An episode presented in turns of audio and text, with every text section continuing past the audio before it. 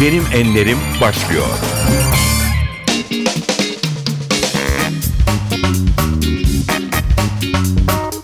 NTV Radyo'nun Benim Enlerim programına hoş geldiniz. Ben Aynur Altunkaş. Bugün programımızda kadınlarla konuşacağız. Bugüne kadar programımıza katılan kadınlarla yaptığımız söyleşilerden bir kolaj yayınlayacağız. Kadınların 8 Mart'ı şenliklerle kutlayacağı nice yıllar dileğiyle başlıyoruz. Değerli sanatçı Hülya Koçyiğit ile sohbet ediyoruz. Hülya Hanım sizi biz hep iyi karakterlerde gördük. İyinin tarafındaydınız, temiz aile kızıydınız, iyi yürekli kadındınız, sadık bir eştiniz, mükemmel bir anneydiniz. Melodram ya da komedi filmlerinde izledik. Hiç daha farklı türde filmlerde rol almak istediniz mi? Aslında çok değişik türlerde işler yapmaya çalıştım. Sadece salon kadınlarını oynamadım mesela. Ee, kırsal alan kadınlarını da canlandırdım ve e, özellikle son yıllarda daha çok onlara ağırlık verdim. Ee, bir derman, kurbağalar, firar, Evet. Almanya Acı Vatan gibi Evet. yani o türdeki filmler e, biraz da benim bu kendi kendime yaptığım sorgulamalardan çıktı. Zaten ülkemizde tür olarak çok var. Korku filmi yıllarca yapılmadı. Yapılmadı. Evet ben yaptım bir tane e, Çirkin Dünya isimli bir korku filmi. Fakat e, seyircinin çok fazla ilgisini görmedi. E, demek ki yapmamam gerekiyor dedim geri çekildim. Çok da fazla bir şey denememe gerek kalmadı çünkü gelen talepler e, biraz da yönlendiriyordu beni. tabii. Ben de oturup projelendirmek için hayal kurduğum zaman kendimi hiç öyle bir kadın olarak hayal edemedim, İzleyiciler görmedim. de galiba sizi pek o rollere yakıştıramadı. Belki de Bu yönde bir talep o olsaydı, olsaydı belki denerdim kendimi şansımı. Ee, Birçok filmde rol aldığınız sanatçılarla günlük hayatınızda da bir e, samimiyet, dostluk kurdunuz mu? Muhteşem Dörtlü, Filiz Akın, Türkan Şoray, siz, e, Fatma Girik. İnsanlar merak ederler siz günlük hayatınızda da görüşür müsünüz, arkadaş mısınız diye. Arkadaşız hem de çok içten, çok dürüst bir şekilde arkadaşız. Çünkü biz bu saydığınız isimler e, gerçekten mesleğine tutkuyla bağlı olan aşık e, insanlarız. Dolayısıyla hep mesleğimiz adına e, yaptığımız işlerden birbirimizden hep övünmüşüzdür. Hep e, e, iltifat etmişizdir, iltifat almışızdır. Saygı duymuşuzdur o emeğe, e, o yüreğe, o heyecana. Ben Türkan için bu kadar e, titizlenirken o benim yaptığım bir şeyden gurur duyarak aramıştır beni hep e, paylaşarak bugünlere geldik. Konuşurken bile tüylerim diken diken oluyor. Çok değerli dostlarım. E, çünkü yaptığımız işi çok seviyoruz. Hitap ettiğimiz Türk insanını çok seviyoruz. Çok da büyük bir e, sevgi ve saygı kazandık yıllar içerisinde. E, bu çok değerli Evet. bir şey. Gerçekten çok değerli bir şey. Peki e, size göre Türk sinemasının yeni starları kimler? Burada biraz durmam lazım. Türk sinemasının yeni starları diyorsunuz. Evet. Yani sinemanın yaratmış olduğu star olması gerekir.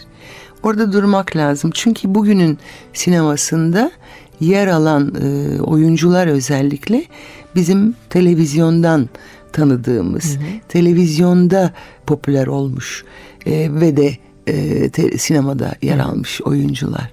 E, sinemanın kendi e, starlarını yetiştirmesi lazım. Bu da artık günümüz için geçerli değil. Artık star dönemi bitti. Starlardan söz etmiyoruz. E, insanlar sinemaya o starı görmek için giderlerdi ve gişeye o star için para yatırırlardı ve e, sadece ismi yeterdi o filmi seyretmek için. Filmi kimin çektiği, nasıl bir senaryosu olduğu hiç önemli değildi. Şimdi ki e, daha doğru bu filmi kim yönetti? Nasıl e, bir hikaye ve hangi oyuncular var? Oyuncular gerçekten e, canlandırdıkları karakterde inandırıcı ve oyuncu olarak e, performanslarıyla alkışlanıyorlar. E, oyunculuk aranıyor bugün. O karakteri en doğru yansıtan kişi aranıyor. Çünkü senaryo çok daha önde. Çünkü yönetmen çok daha önde. Sinemayı zaten yönetmen yapar. Dolayısıyla kim yönetmiş diye bakarak sinemaya girmek gerekir. Ee, bugün öyle bir gündeyiz. Hülya Hanım yılların size cömert davrandığını görüyoruz. E, bunun için özel sırlarınız var mı yoksa genlere mi borçlusunuz? Ne güzel soruyorsunuz. Tabii ki genlerimiz e, etkiliyor ama bakımlı olmak da gerekiyor. Üstelik e, çağımızda her türlü imkan Var. e, var. Dolayısıyla tabii ki önce hijyenle başlayan, doğru beslenmekle devam eden e, ve de güneşten korunarak e, hatta e, nemlendiricilerle takviye ederek e, Yıllara meydan okuyabilirim diyorsunuz. Teşekkür ederim. Programın adı Benim Enlerim. E, bugüne kadar aldığınız en ağır eleştiri neydi? Hatırlıyor musunuz? Evet, e, siyaset ile ilgili karar verdiğim zaman hani sinema sanatçısından e, siyasetçi olur mu tarzında bir eleştiriydi. Çok peşin yargılı gelmişti bana. Olur. Çünkü sanatçı bir olaya bakarken onun insanlık için ne değer taşıdığına bakar. Dolayısıyla siyasetin bizzat içinde de olsa e, bu eleştiriyle bakacaktır. Dışında da olsa bu eleştiriyle de üretecektir. Böyle bir eleştiri almıştım. E, önce bir yadırgamıştım ama tabii ki e, bir karar vermişim. Eleştirmek de herkesin hakkıydı. Ama milletvekili olmadığım için ondan sonrasını bilmiyorum. Peki en yapıcı ve en güzel eleştiriyi hatırlıyor musunuz? Em, O kadar çoktur ki o yüzden hatırlıyor musunuz? Ama dedim. hep böyle ilkler unutulmaz ya. İlk e, Susuz Yaz dünya çapında bir e, ödül kazandığı zaman Türk Kadınlar Birliği beni yılın kadın sanatçısı seçmişti. 16 yaşındaydım. Daha bir tek filmim var. Evet. Çok e, gururumu okşamıştı. Çok keyiflenmiştim. Çünkü benden önce Yıldız Kenter almıştı. Çok gurur büyük- verici. Çok gurur Evet. verici bir şeydi. İlk olduğu için beni motive etmişti çok. Peki dünya sinemasını takip ediyorsunuzdur e, mutlaka. Sizde iz bırakan e, ve keşke ben oynasaydım dediğiniz bir karakter oldu mu? Oo. Çok. Hangisini söylesem? Aklınıza ilk gelenler. Şimdi Doktor Jivago geldi şu anda aklıma. Julia geldi. Ama son yıllarda İngiltere Kraliçesi, İngiltere Başbakanı, İngiltere Kralı'nı oynayan aktörler hep Oscar kazandılar. E, bu bir tesadüf mü yoksa böyle kralları, sultanları mı oynamamız gerekiyor diye Belki düşündüm. de. Evet.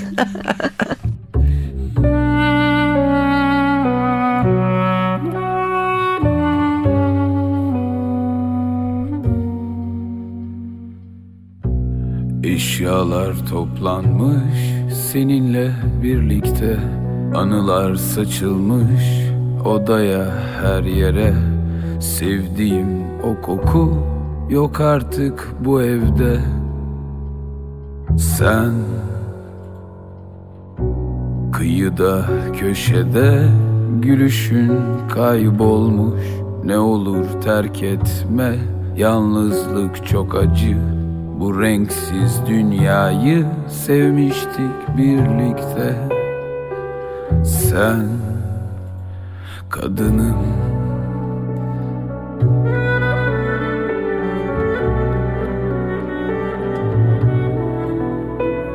Kadınım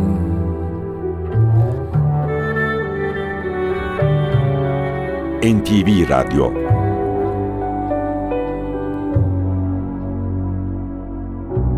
Hatırla o günü karşıki sokakta Seni öptüğümü ilk defa hayatta Kollarımda benim ilk bahar sabahım.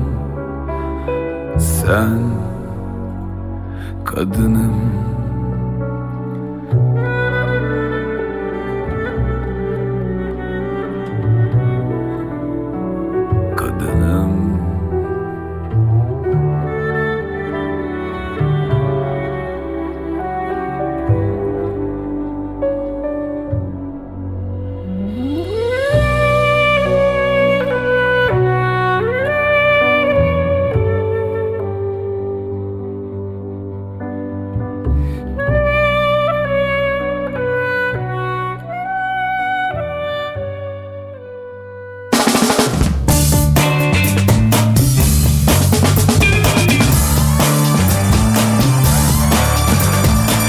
Benim Enlerim. NTV Radyo'da Benim Enlerim devam ediyor. Bugün Türkiye'nin ilk FIFA kokartlı kadın hakemi Lale Orta ile birlikteyiz. Lale Hanım dünyada peki kadın futbol hakemlerinin sayısı çok mu? E, dünyada ilk kez FIFA kokartı 1995 yılında verildi. Bunlardan bir tanesi de bendim. Toplam yardımcı hakem ve hakem sayısı 52 idi. E, ilk yapılan e, tüm dünya ülkelerine FIFA tarafından e, e, belli kurallar kondu. O kurallara hı hı. uyan 52 kişi çıkabildi. Ne gibi kurallar? Ben de onu ee, merak ediyorum. FIFA kokartı almak için ne lazım? Tabii FIFA kokartı almak için e, kendi ülkenizde e, kadınlar maçının üst düzeyde maçın olması hı hı. lazım. Orada hakemlik yapıyor olmanız lazım veya e, kadınlar ligi yoksa erkek hı hı. liginde en az 3. lig profesyonel lig seviyesinde hakemlik yapıyor hı hı. olma koşulunu aramışlardı. İlk 1995 hı hı. yılında. Ben zaten e, 1990 senesinde e, yardımcı hakemlik yapıyordum Türkiye Süper Ligi'nde hı. ve e, arkasından da e, 92 senesinde de özellikle ikincilik düzeyinde de hakemlik hı hı. yapıyordum. Şu andaki e, birincilik düzeyinde hı hı. Bankasya olarak Bankasya. geçiyor. Hı hı. Evet ve e, o yüzden de benim koşullarım hep zaten oluşmuştu. oluşmuştu. E, bütün dünyada da hepsini e, araştırdıkları zaman toplam 52 kişiyi bulabilmişlerdi. Ama şu anda sayı çok fazla e, FIFA çok önem veriyor. Hı hı. Kadın futboluna, kadın hakemliğe. UEFA da aynı şekilde. Biraz geç başlanılmış bir şey oldu. Evet. Yani şöyle bir baktığımız zaman e, işte erkeklerde Dünya Kupası 1930 yılında düzenlendi e, kadınlar da 1991 yılında düzenledi çok geç. FIFA. Yani arada çok büyük farklar evet. var. Şimdi şu, e, bu konuyla ilgili de bir araştırma yapıyorum. Kadın futboluyla FIFA'nın ve UEFA'nın erkek futbolunu e, yaptıkları yatırımla kadın futboluna yaptıkları yatırım hı hı. arasındaki farklar neler? Neden o kadar geç başlatıldı kadın hı hı. futbolu diye. Onunla ilgili bir bilimsel araştırmam var. Onun üzerine çalışıyorum. Ve e, şu anda da e, aynı eşit yatırım yapılmıyor. Çok önem veriliyor fakat yine erkek organizasyonları hı hı. çok daha e, kadın organizasyonların önünde yer alıyor. Ama e, sayı olarak baktığımız zaman ben e, işte 86 yılında hakemliğe başladım. Tabii bir 9 senem 1995'e kadar 9 sene e, öylesine geçti. Hı hı. FIFA olamadım ama öyle olduğu halde yine e, 1990 senesinde yine uluslararası maçlar Hollanda'dan davet hı. aldım. Hakemliğimi seyrettiklerinde Bulgaristan'da uluslararası turnuvadan davet aldım, katıldım. Bu tür şeyler oldu ama yine de geç kalınmış bir şey. Çok geç evet, kalınmış. Evet. Çok daha önce olmalıydı. Maalesef dünyada e, her alanda olduğu gibi sporda da kadın erkek e, eşitsizliği var ve kadınlara çok daha geç bu haklar tanınıyor. Bunun ortadan kaldırılması lazım. Her koşulda eşit hak verilmesi lazım. Kadına da erkeğe de yapılan organizasyonlarda tüm işin e, finansmanında ekonomik olarak, yatırım olarak her şekilde eşit dağıtmak evet. zorundalar. Hatta bu kadar geç başladıkları için kadınlara çok daha fazla yatırım Pozitif yapmalılar. Pozitif ayrımcılık bile yapılması lazım. Yapılması lazım evet. çünkü çok geride bırakılmış birçok konuda. Kadınsa duyarlılıktan bahsedecek olursak e, maç yönetirken bazen hislerinize yenik düştüğünüz duygusal kararlar verdiğiniz oldu mu? E, sahada hiç olmadı. Çünkü e, siz e, ben 20 sene hakemlik yaptım eğer duygularınızla hareket etmiş olsaydım ben sahada başarılı olmam mümkün değildi. Bu bir maçta yaparsanız bu zaten bir maçta asla kalmaz. Evet. Çünkü bu sizin karakterinizle bağdaşan bir durum. E, yapınızla, duygularınızla, e, yönetim anlayışınızla, hı hı. eğitiminizle hepsini bütün olarak düşünmek lazım. E, duygularınızı mutlaka bir kenara bırakmalısınız kararlarınızı verirken duygularınızdan arınarak vermek zorundasınız. Evet. Bunu başaramıyorsanız zaten başarılı Hı-hı. olmanız mümkün değil. Ama e, kadın olmamın avantajlarını çok gördüm ben sahada. Çünkü e, kadınlar çok daha detaycı, evet. çok daha ayrıntılarda. Pozisyonları e, daha mı net inceleyebiliyorlar? E, daha iyi hazırlık yapabiliyor bir hmm. kadın hakem veya olaya bakarken daha farklı boyutta, daha geniş perspektifte hmm. değerlendirebiliyor. Ben kadın olmamın hiçbir dezavantajını görmedim sahada maç yönetirken. Hmm. Avantajlarını gördüm. Dezavantajını gördüğüm nokta benim yöneticilerimin kadın hakeme bakışından kaynaklanan hmm.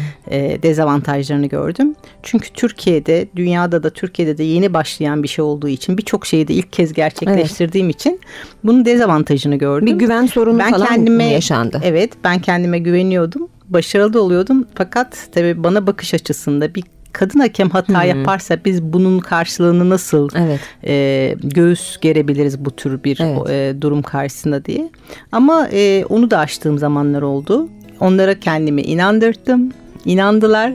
Biraz tabii e, daha fazla sürede kendinizi kanıtlayabiliyorsunuz. Daha fazla Diğerleri bir mücadele senede ediyorsunuz. belki bir üst e, klasmana yükselirken siz belki ilk senede yükseltiliyorsunuz. Çok daha fazla e, dikkat ediliyordu. Şu anda da aynı şey var. Şu anda da kadın hakemleri Türkiye'de çok fazla istedikleri şekilde görev verilmiyor diyor, verilmiyor diye düşünüyorum. Verilmesi lazım. İyi kadın hakemlerimiz var. Bence kadın erkek ayrımı kafadan kalkması lazım. Evet. Ee, eğer iyi, işini iyi yapıyorsa koşullar konulmalı ki konulmuş durumda. FIFA'da aynı şekilde kadın erkek ayrımı yapmayın. Bir en üst düzey maçtaki kriterler bunlar. Şu bu kriterleri yerine getiren herkes Evet. e, bu maçları yönetebilir diyor. Bence cinsiyet ayrımcılığı olmadan o Evet. kriterleri yerine getiren herkese eşit haklar tanınmalı. Ben bunun çok gerçekten Acısını çektiniz, acısını çektim. değil mi? Evet. Bu sabah yalnız uyandım Sensiz olmaz, sensiz olmaz Tanıdık kokular yok. Sensiz olmaz. Kahvaltım anlamsızdı Sensiz olmaz, sensiz olmaz. İlk sigaram bile tatsızdı Sensiz olmaz. NTV Radyo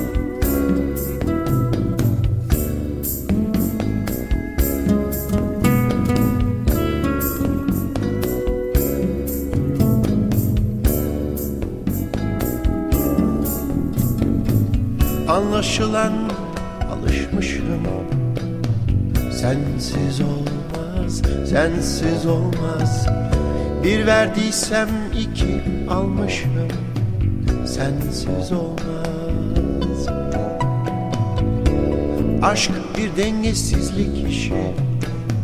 Sensiz olmaz, sensiz olmaz. Dengeye dönüşendir sevgi. Sensiz olmaz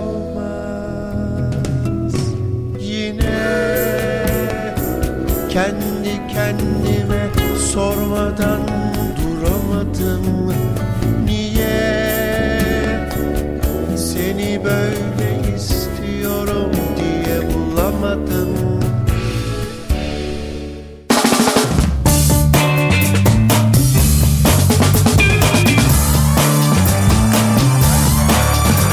Benim Enlerim devam ediyor. NTV Radyo'da Benim Enlerim'de bugün kadınlarla konuşuyoruz. Programımıza bugüne kadar katılmış kadın konuklarla yaptığımız söyleşilerden bir kolaj hazırladık. Bu kolajı dinlemeye devam ediyoruz. Yazar ve emekli öğretim görevlisi Feyza Hepçilingirler bugün NTV Radyo'da Benim Enlerim'de konuğumuz. Feyza Hanım, e, yazar olmak için çıktığınız yollara adeta taş dökülmüş. Bu amaçla gittiğiniz edebiyat fakültesinde e, hevesinizi kırmışlar, geciktirmişler. Neler yaşadığınızı şöyle geriye dönüp baktığınızda bir anlatır mısınız?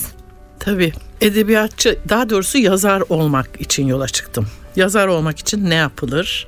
Çok danışacağım kimse yoktu. Herhalde edebiyat fakültesine gidilir deyip tercihlerimi ondan yana kullandım ve İstanbul Üniversitesi Edebiyat Fakültesine girdim. Orada geçirdiğim zaman bana bir 10 yıl kaybettirdi ama şimdi dönüp baktığımda iyi ki de diyorum. Çünkü o gençlik hevesiyle yalan yanlış bir şeyler yazacaktım belki de. Hani bizim böyle bir tevekkül tarafımız vardır Evet, ya o evet. kadar da kötü değildir o. Yani şimdi düşünüyorum. iyi ki de o 10 yıl ilk heyecanla daha sonra pişman olacağım şeyler yazmamışım. Evet. Çünkü sonra sancılı bir süreçti o 10 yılın sonunda. Ama ilk önce 10 yıl öncesinden bahsedeyim. Hocaların adlarını anmayayım. Hepsi rahmetli oldu şimdi. Ee, ölen kişinin arkasından konuşmak da pek hoş değil.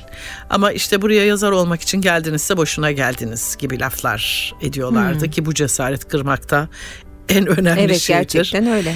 Hiç kimse sizden bir şey yazmanızı istemiyor. Zaten her şey yazıldı. Bütün güzel şeyler yazıldı. Size düşen sadece yazılanları incelemektir. Tüm hevesiniz kırılmadı mı? Kırıldı, duyunca? kırıldı. İşte o yüzden her şey yazılmışsa ben niye yazacağım, Ya. ne yazacağım? Zaten kimse de beklemiyormuş yazmamı. Ancak ondan sonra kendi kendime başka bir şey geliştirdim. Yani ben diyelim ki işte bize e, Edebiyat Fakültesinde en çok döne döne okutulan Abdülhakamit Tarhan'dı. Abdülhakamit gibi tabii ki yazamam ama e, ben bu dönemde yaşıyorsam, bu devirde yaşıyorsam benim yazacağım, yaşayacağım ve yazacağım şeyleri de Abdülhakamit yazamazdı. Evet. Ha bu düşünce yavaş yavaş kafamda oturmaya başlayınca ben de yazabilirim gibi ufaktan bir cesaret geldi. Ee, o cesaretle dergilere öykü göndermeye başladım. Onlar yayınlanınca biraz bir özgüven buldum. Ee, yarışmalara katıldım. Çok fazla yarışmaya katıldım. Hatta yani bu çok fazla katılmış olmak da bir tepki çekti. Kimdir bu kadın? O zaman İzmir'de yaşıyordum. İstanbul'a ödül almak için geliyordum sadece. Peki e, yazar oldunuz, Türkiye'de bir kadın edebiyatçısınız.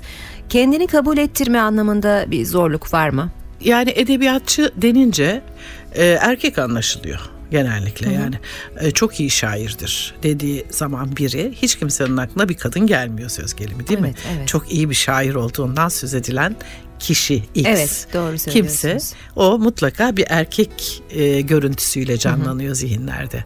Edebiyatçıda da bu sözcükte de aşağı yukarı aynı şey var. İyi edebiyatçı, aa o edebiyatçıdır falan dendiğinde kadınlar hatırlanmıyor. Oysa kadınların e, duygusal yanı da, sözel yanı da erkeklerden biraz daha iyidir. Bu arada biraz hemcinslerimi de yüceltmek istiyorum doğrusu. evet yani mesela sayısal alana kadınların çok fazla ilgisi yoktur ama sözel alanda kadınlar gayet iyidir. Sözcük bilgileri çok daha iyidir. Daha uzun, daha karmaşık cümleler kurma konusunda çok yetkindirler. Evet, evet. Ee, dolayısıyla sözü çevirmek anlamında çok yetkindirler. Yani e, işte kötüye gittiği izlenimi edindiği anda sözü döndürüp Evet. tamamen farklı Evet. bir anlamayı. Hatta bir rivayete göre erkeklerden daha iyi yalan söyler. Çünkü yakalanmaz. Evet. e, Üstelik yalan söylemek de edebiyatın temelidir. Yani. Evet, onun için çok söyledim. iyi yalan söylüyorsa çok iyi edebiyatçı da olabilir. Kadın edebi yani kadın yazar denmesinden başlarda biraz rahatsızlık duyuyordum. Bana e, aşağılayıcı bir laf gibi geliyordu. Yani kadın ama yazar gibi bir şey algılıyordum ondan. Kadın olmasına rağmen yazar Evet. gibi. Daha sonra e, biraz Erendiz Atasü'nün etkisi olmuştur bunda. Hayır alınacak bir şey yok dedi. Bu gayet doğal bir şey. Evet kadınım ve yazarım. Bunu cesaretle söylemek gerekiyor. Hala biraz alınıyorum kadın yazar lafından. Çünkü yazar lafı yeterli bence. Evet. Türkçenin güzel Evet. bir e, ayrımı olmaması güzel bir özelliğidir. Yani e, kadın yazara başka bir ad, erkek yazara başka bir ad vermiyoruz. Evet, evet. Kadın, erkek, e, maskülen, feminen gibi bir Aha, ayrımı aha. yok dilimizin. E, bunu hayata da geçirmek lazım. Yazar Evet. denince hem kadını Evet. hem erkeği niye anlamıyoruz ki? Ünzile insan dölü On kardeş yürü Büyüdükçe ufak Ve gelir de görücü. İnci gibi dişi Görücü bilir işi. Sövdüm ağlar gider Olur hatun kişi. Varmadan sekizine Ergin oldu inzile Çocuk hem de kadın. On ikisinde ana. Bir gül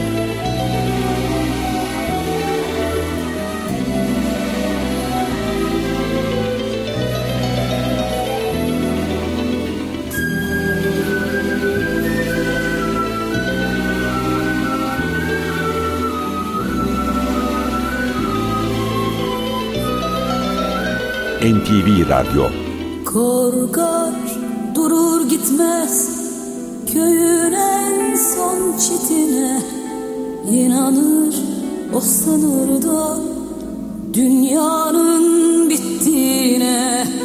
Ünzile insan dölü bilinmezlere gebe. Sırların mihnetini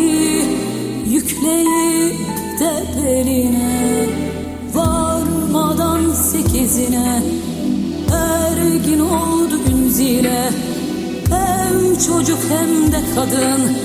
On ikisinde ana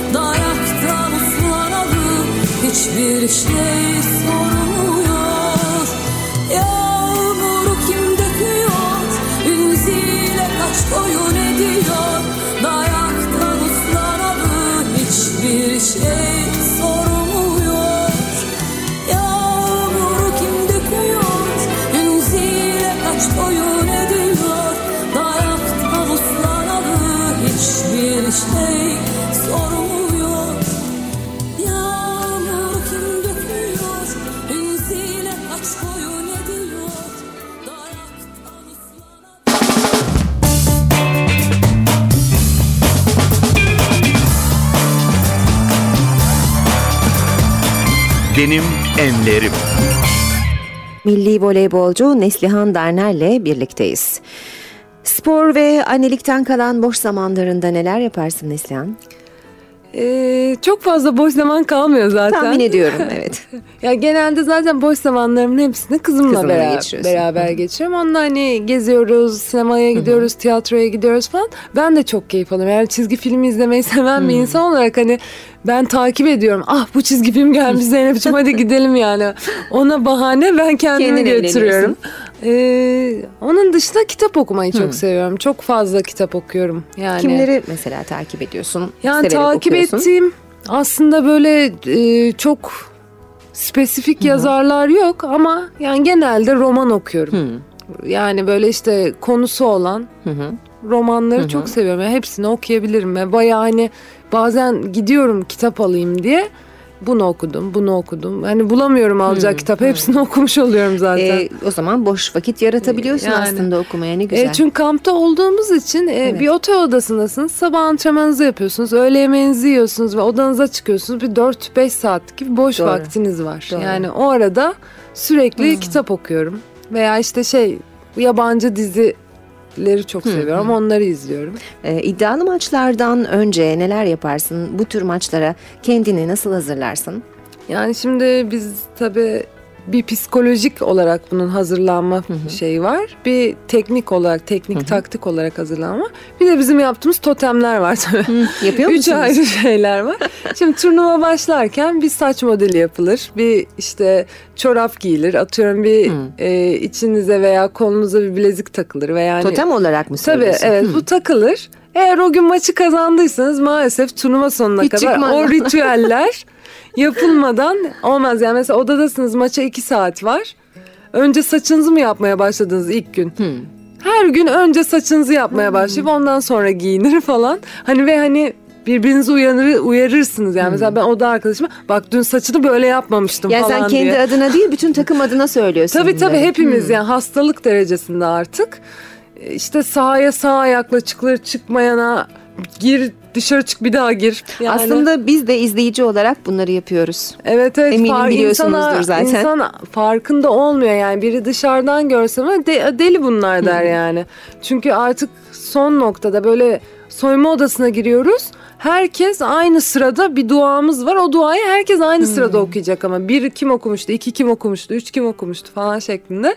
Peki- Ama şey psikolojik olarak da ben her öğlen çıktığımda maçtan önce odaya gittiğimde maçı önceden bir kafamda oynarım. Ne yapmam gerektiğini işte verilen taktiğe göre hayal ederim. İşte atıyorum o buradan vuruyor burayı kapatıyorum falan şeklinde bunu hayal ederim.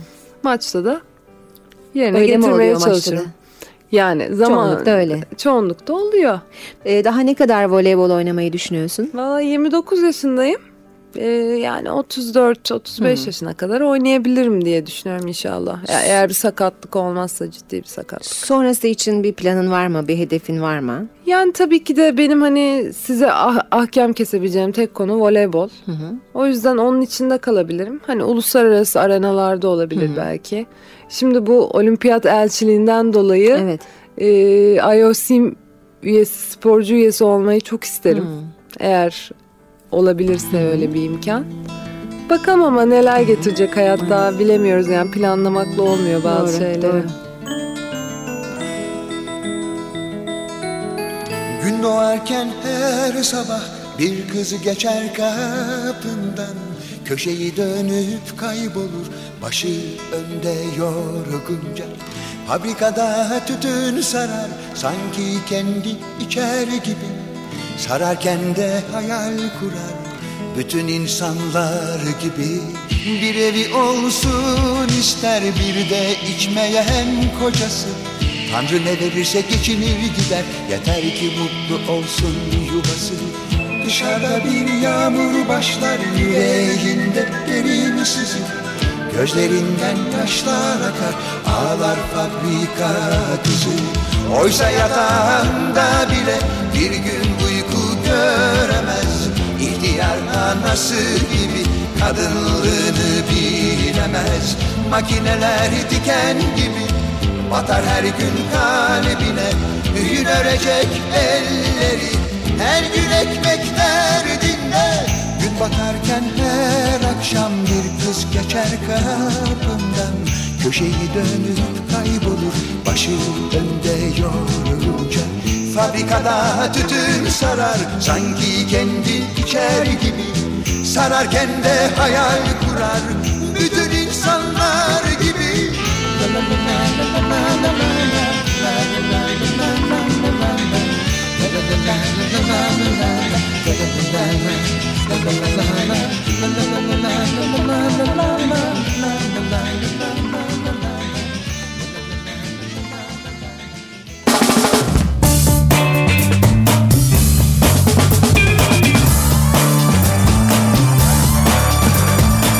Benim enlerim. NTV Radyo'da benim enlerimde stüdyo konuğumuz oyuncu Selen Uçer. Sinema e, olsun, tiyatro olsun içinde olduğunuz yapımlarda hep farklı kadın karakterleri canlandırdınız. Değişik şekillerde çıktınız karşımıza. Siz bir role nasıl hazırlanıyorsunuz? Önce anlamaya çalışarak, onu detaylandırmaya çalışarak. Yani mesela benim için en değişik rollerden biri, yani bilmiyorum şu anda o aklıma geldi.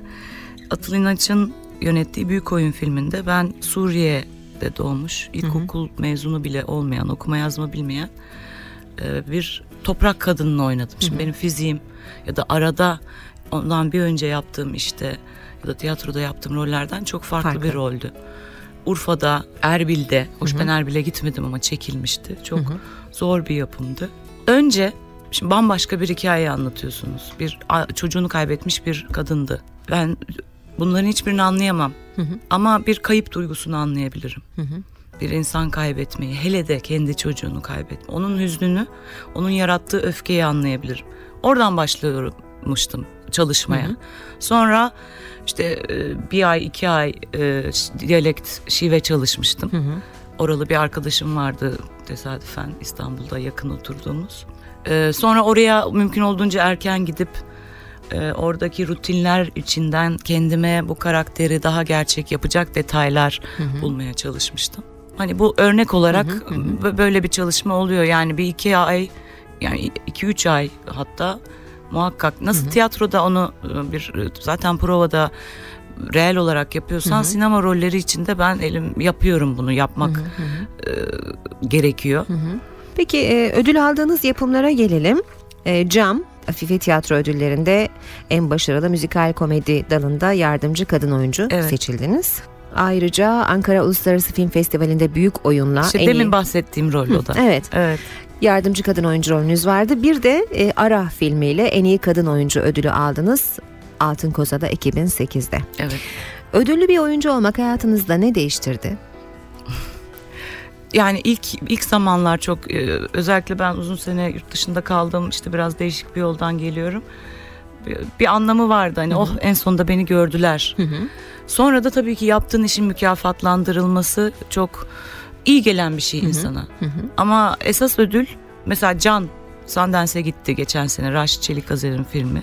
Serdar Orçin'le ben oynuyoruz ana rolleri.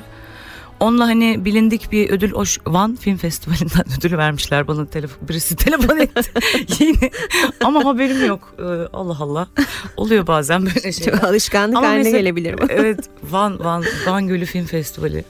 Bari haber verseler Değil mi? bir şeyimiz olur.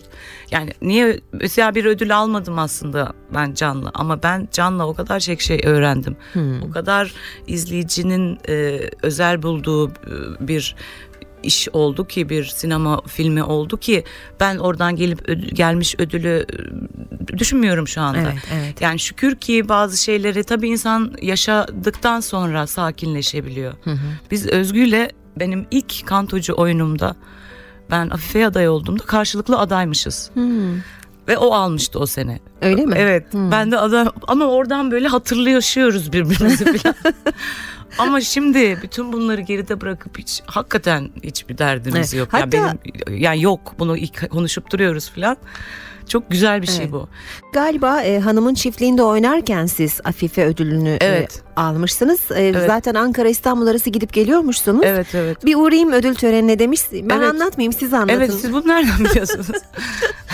Okumuştum galiba. evet yani şey o ara işte hem cam oynuyorum hem Adana'da d- d- şey çekiyorum. Anımın çiftliği çekiyorum. Törene uğradım aday olduğum için hani heyecan verici bir şey Evet. falan. Ödülü aldım 23 e, uçağıyla Adana'ya sete gittim. Bir buçukta falan setteydim. Müthiş bir hikaye. Yani kendimi bir arkadaşım beni bırakmıştı. Çok Tebrik güzel ederiz. bir dönemdir ama benim için.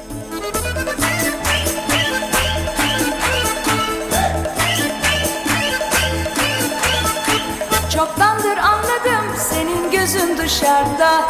Eskisi gibi bağlı değilsin bana.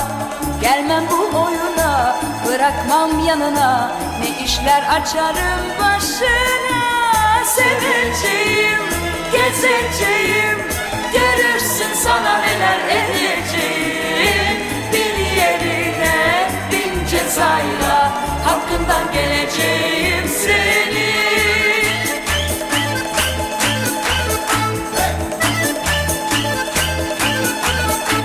Ne hayrın dokunur ne bir şey umulur. Başkası sende bilmem ki ne bulur. Elinden uçanla bir kaçan kurtulur. Bugün seversin yarın unutur. Seveceğim, gezeceğim. Görürsün sana neler edeceğim. Bir yerine bin cezayla Hakkından geleceğim. Seni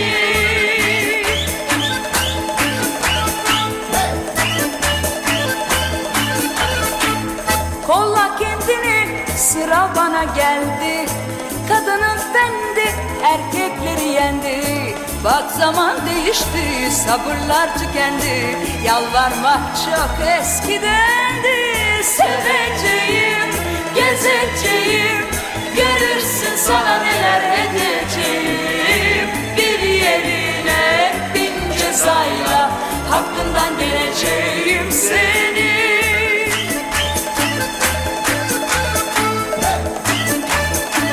NTV Radyo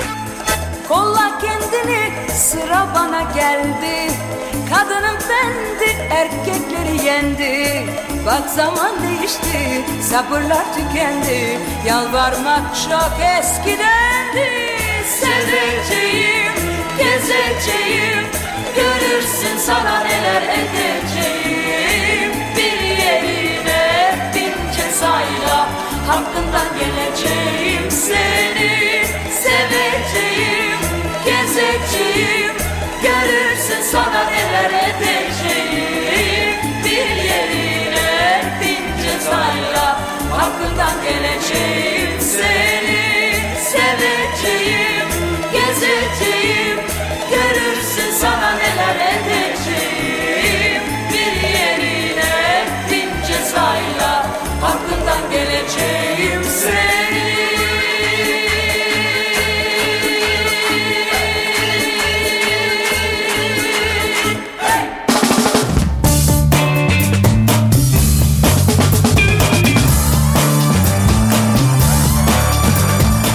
Enlerim sona erdi.